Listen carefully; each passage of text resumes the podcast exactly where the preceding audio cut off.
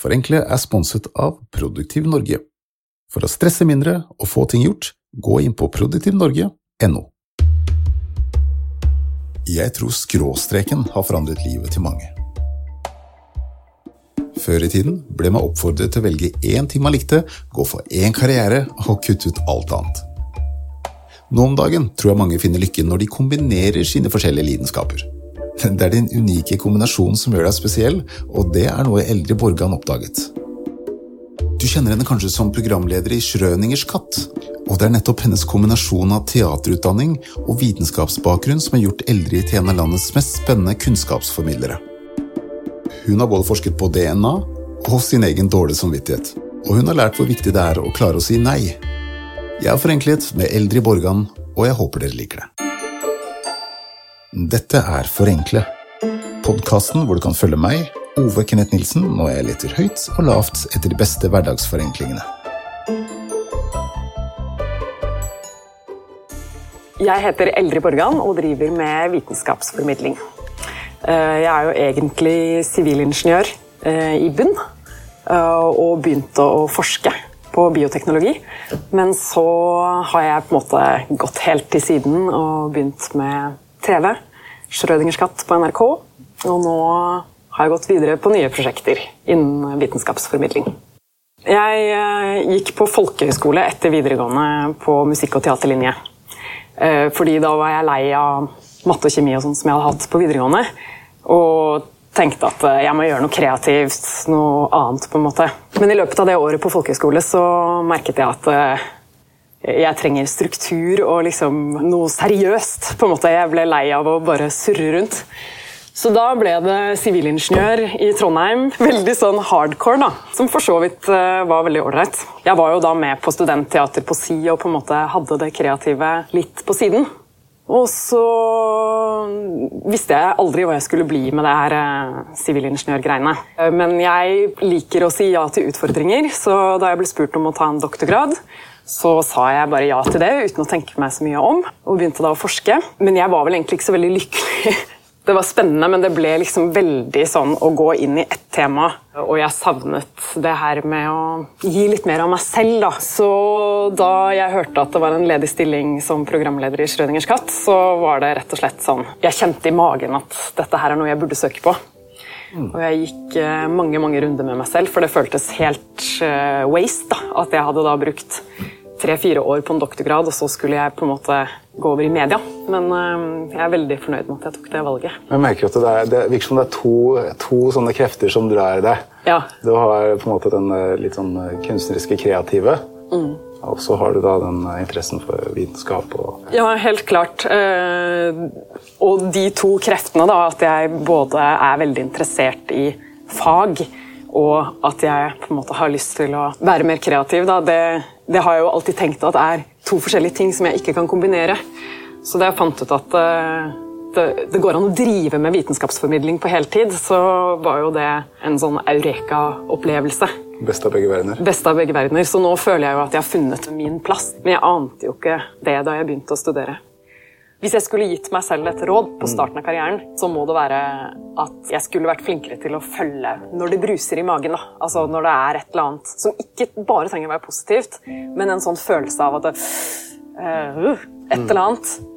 Da er det ofte det rette valget. For jeg tror noen av de litt kjedeligere tingene jeg har gjort, hvor jeg var veldig usikker på hva jeg skulle velge, og alt det der, så var det også fordi jeg var for rasjonell og skulle tenke hva er smart for karrieren, og hva, hva burde jeg gjøre? Mm. Mens uh, hver gang jeg har turt å følge den der brusinga, så har jeg aldri angret på det. Vil du si at uh, du har en komplisert hverdag? For å si det sånn, da. Den kunnskapen som jeg ofte skal prøve å formidle, er veldig komplisert. Så forenkle er jo nøkkelordet i hverdagen min. Å prøve å på en måte bryte gjennom noe som egentlig er veldig komplisert, til å uh, få det til å bli noe enkelt. Så sånn sett, på, på en måte det faglige nivået, så så er jo det er faktisk vanskeligere enn man skulle tro. Det å kunne på en måte forenkle noe og bevare meningen i det. Tror at så lenge man klarer å finne essensen og på en måte kaste alt annet, da forenkler man eh, på riktig måte. Har du noen andre eksempler på hvordan bioteknologi har forenklet? Der tenker jeg særlig på insulin, som var på en måte den første medisinen man framstilte med bioteknologi. For i gamle dager, så når man fant ut at insulin var noe diabetikere trengte, mm. så fikk man det fra griser. Så man måtte jo da liksom Per gris så fikk man noen få gram insulin som man da kunne gi til eh, diabetikere. Så en sånn voldsom forenkling var å skjønne at eh, man kunne rett og slett ta menneskegenet for insulin og putte det inn i en liten bakterie. Og så produsere da insulin bare i en stor tank. Egentlig litt sånn som man produserer sats. Eh, putte på sukker til disse genmodifiserte bakteriene, og så får du insulin ut. Så det syns jeg er en fantastisk forenkling.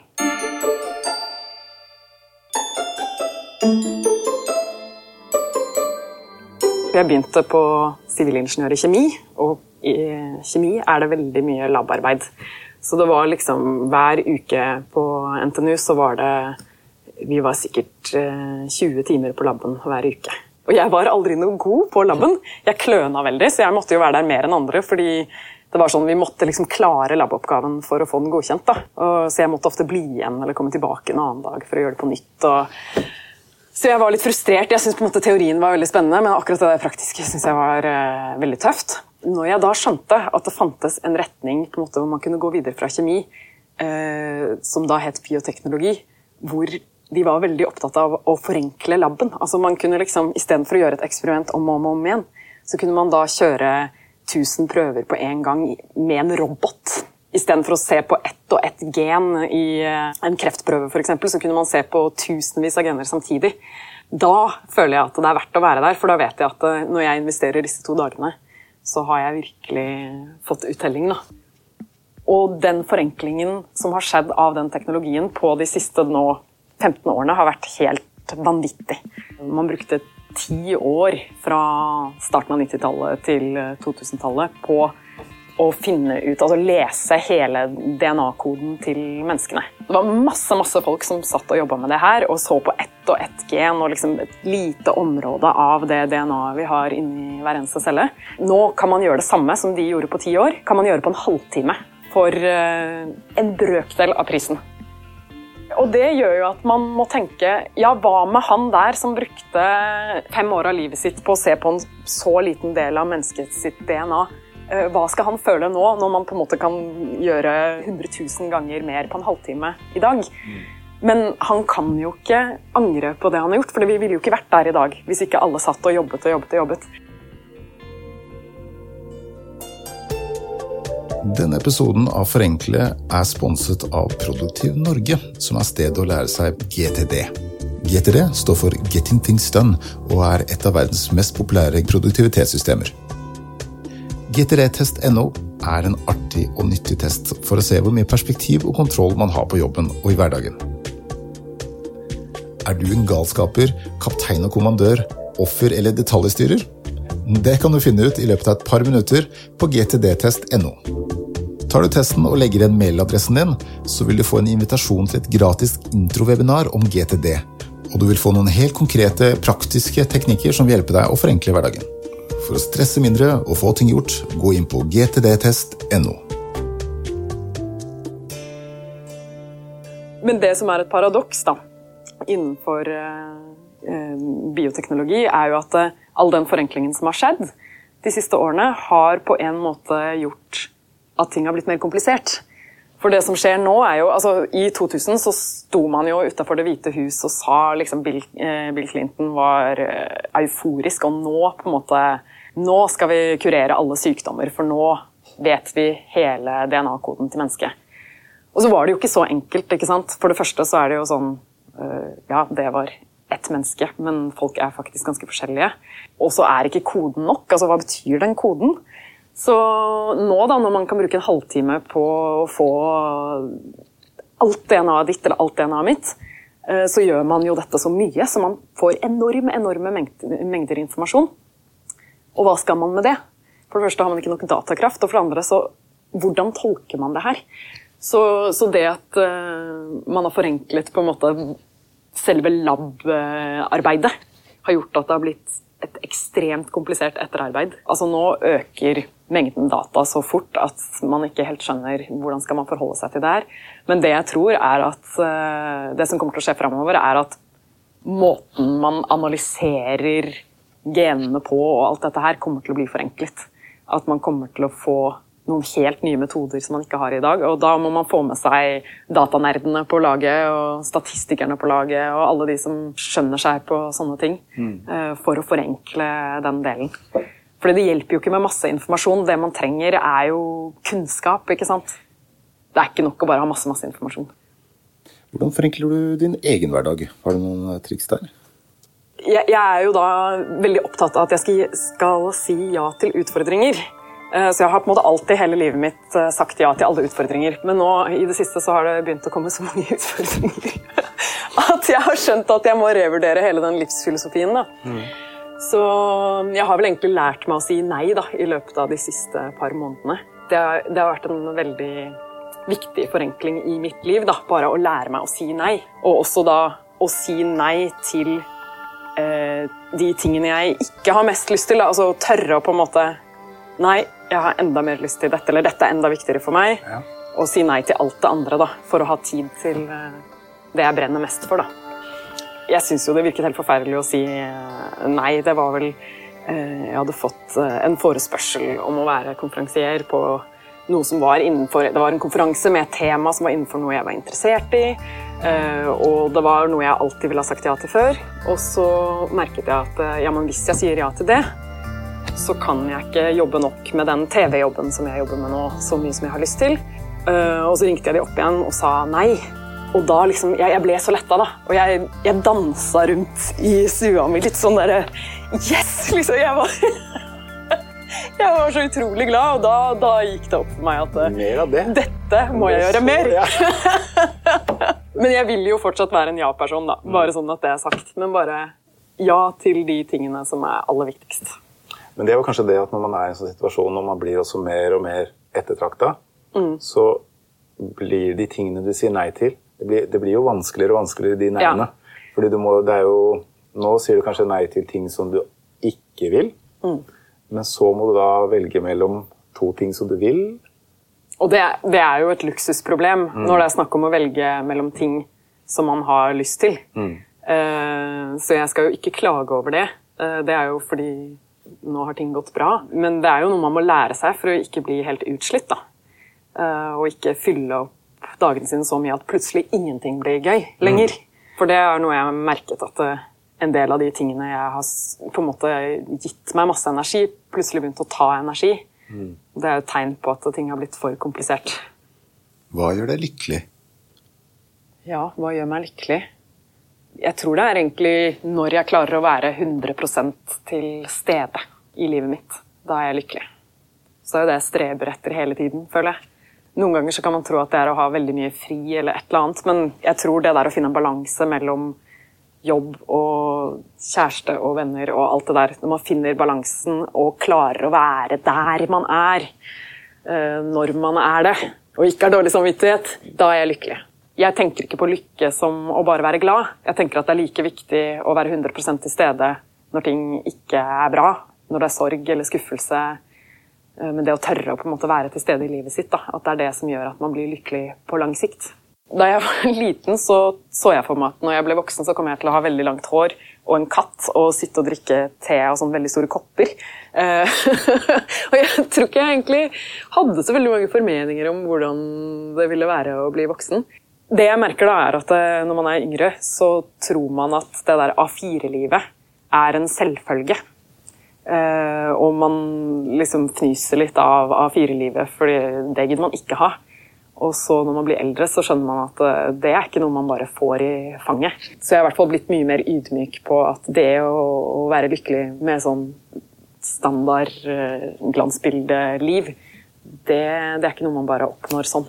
Hvis du hadde fått en magisk tryllestav og kunne forenklet hva som helst, hva ville du forenkla da?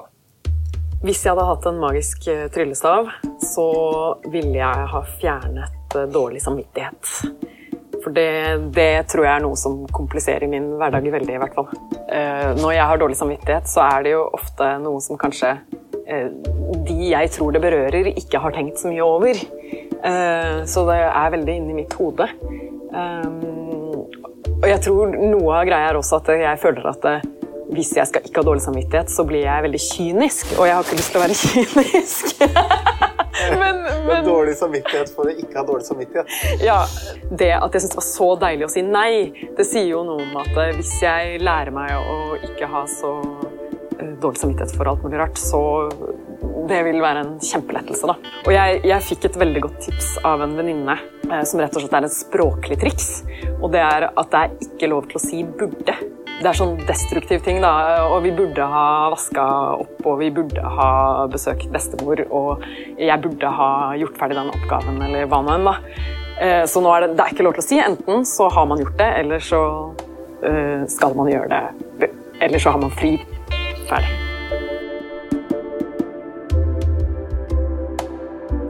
Det å gi seg selv noen enkle regler, som å slutte å bruke ordet burde, og bli flinkere til å si ordet nei, kan virkelig forandre hverdagen. Begge disse ordene har med dårlig samvittighet å gjøre, og forskning viser at jo vanskeligere du har for å si nei, jo mer er du disponert for stress, burnout og depresjon. Men det er lett å få dårlig samvittighet når ting kolliderer i kalenderen eller noen ber om din hjelp. Det er vanskelig nok å si nei til seg selv, så hva kan man gjøre? En forenkling er å ikke gi svaret med en gang. Før svarte jeg ofte ja automatisk uten å tenke meg godt om. Nå har jeg begynt å utsette svaret litt, så jeg rekker å gå en runde med meg selv på hva jeg selv ønsker, og hva jeg har tid til før jeg sier ja eller nei. Jeg ble inspirert av en dame som hadde noe hun kalte for en decision ring. Hennes rituale var å snurre ringen fem ganger på fingeren eller bytte den fra hånd til hånd før hun svarte. Det ga henne den lille pausen hun trengte, og det hjalp henne å bli flinkere til å si nei. Når man utsetter å svare, så kan man også lade svaret litt negativt.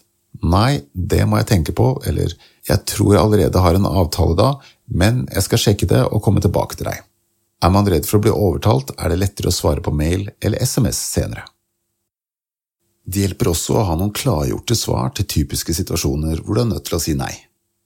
Jeg vet i hvert fall med meg selv at jeg har en tendens til å gi litt sånn tvetydige eller overforklarende svar, og det gjør som regel situasjonen bare verre. Jeg synes også det er lettere å si nei hvis jeg samtidig kan hjelpe, kanskje ved å skaffe en annen person som kan stille opp, en som er dårligere enn meg til å si nei, må det bli da, eller på en eller annen måte finne en løsning som alle kan leve med. Men hva da med å si ja til bitte små ting som bare tar bitte litt tid? Se opp for det jeg kaller for task puppies. En task puppy er en oppgave som virker liten og søt og harmløs, men på samme måte som når du skaffer deg en valp, innser du fort at den skal trenes, mates, luftes tre ganger om dagen og tas vare på de neste 15 årene. Når du har tatt på deg en oppgave, har den en tendens til å vokse, og det skal uansett ikke så mange små oppgaver til før du har fulgt opp. Men det er selvfølgelig også mye man har lyst til å si ja til også. Og som vi snakket om i episoden Valg, er det lurt å ha noen kjerneverdier som hjelper deg å velge. Da vet du hvorfor du eventuelt sier nei, istedenfor å bare bli styrt av din dårlige samvittighet.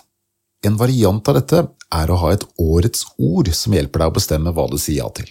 Er for eksempel årets ord hvile, er det lettere å si nei til å jobbe overtid eller å feste natta lang.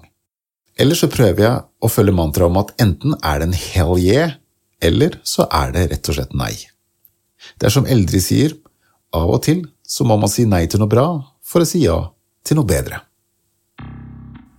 Vi nærmer oss slutten på første sesong i Forenkle, så neste gang stikker jeg en finger i bakken og ser hvor jeg ligger an på min reise mot en forenklet hverdag. Det blir hardcore forenkling med sang og magi, og du får smakebiter fra neste sesong hvor vi tar forenkling til et nytt nivå. Forenkle produseres av Hokus Fokus Creative og sponses av Produktiv Norge. Produsent er Jon Anders Clausen, mens Preben Grieg Halvorsen har laget musikk og skrudd lyd. Jeg heter Ove Kenneth Nilsen, og husk at det meste blir bedre ved å forenkle det. Eldrid avslutter med en forenkling. Jeg reiser veldig mye, mm. så et sånn triks som forenkler eh, reisinga mi, er at jeg har en fast sånn håndbagasjekoffert eh, som allerede er pakket med en gjennomsiktig toalettmappe med sånne små liten tannpasta, liten sjampo og alt det jeg trenger. Som jeg bare kan slenge opp på det båndet i securityen. Og så har jeg også alltid med meg en pute. en liten pute. Fordi jeg har vunnet at søvn er en nøkkel for å i det hele tatt ha muligheten til å forenkle hverdagen, så må man ha god søvn. Og jeg hater sånne hotellputer som er så høye og tjukke. Så den ligger i kofferten. Så når jeg skal reise, så er det liksom bare oppi med klær og så dra.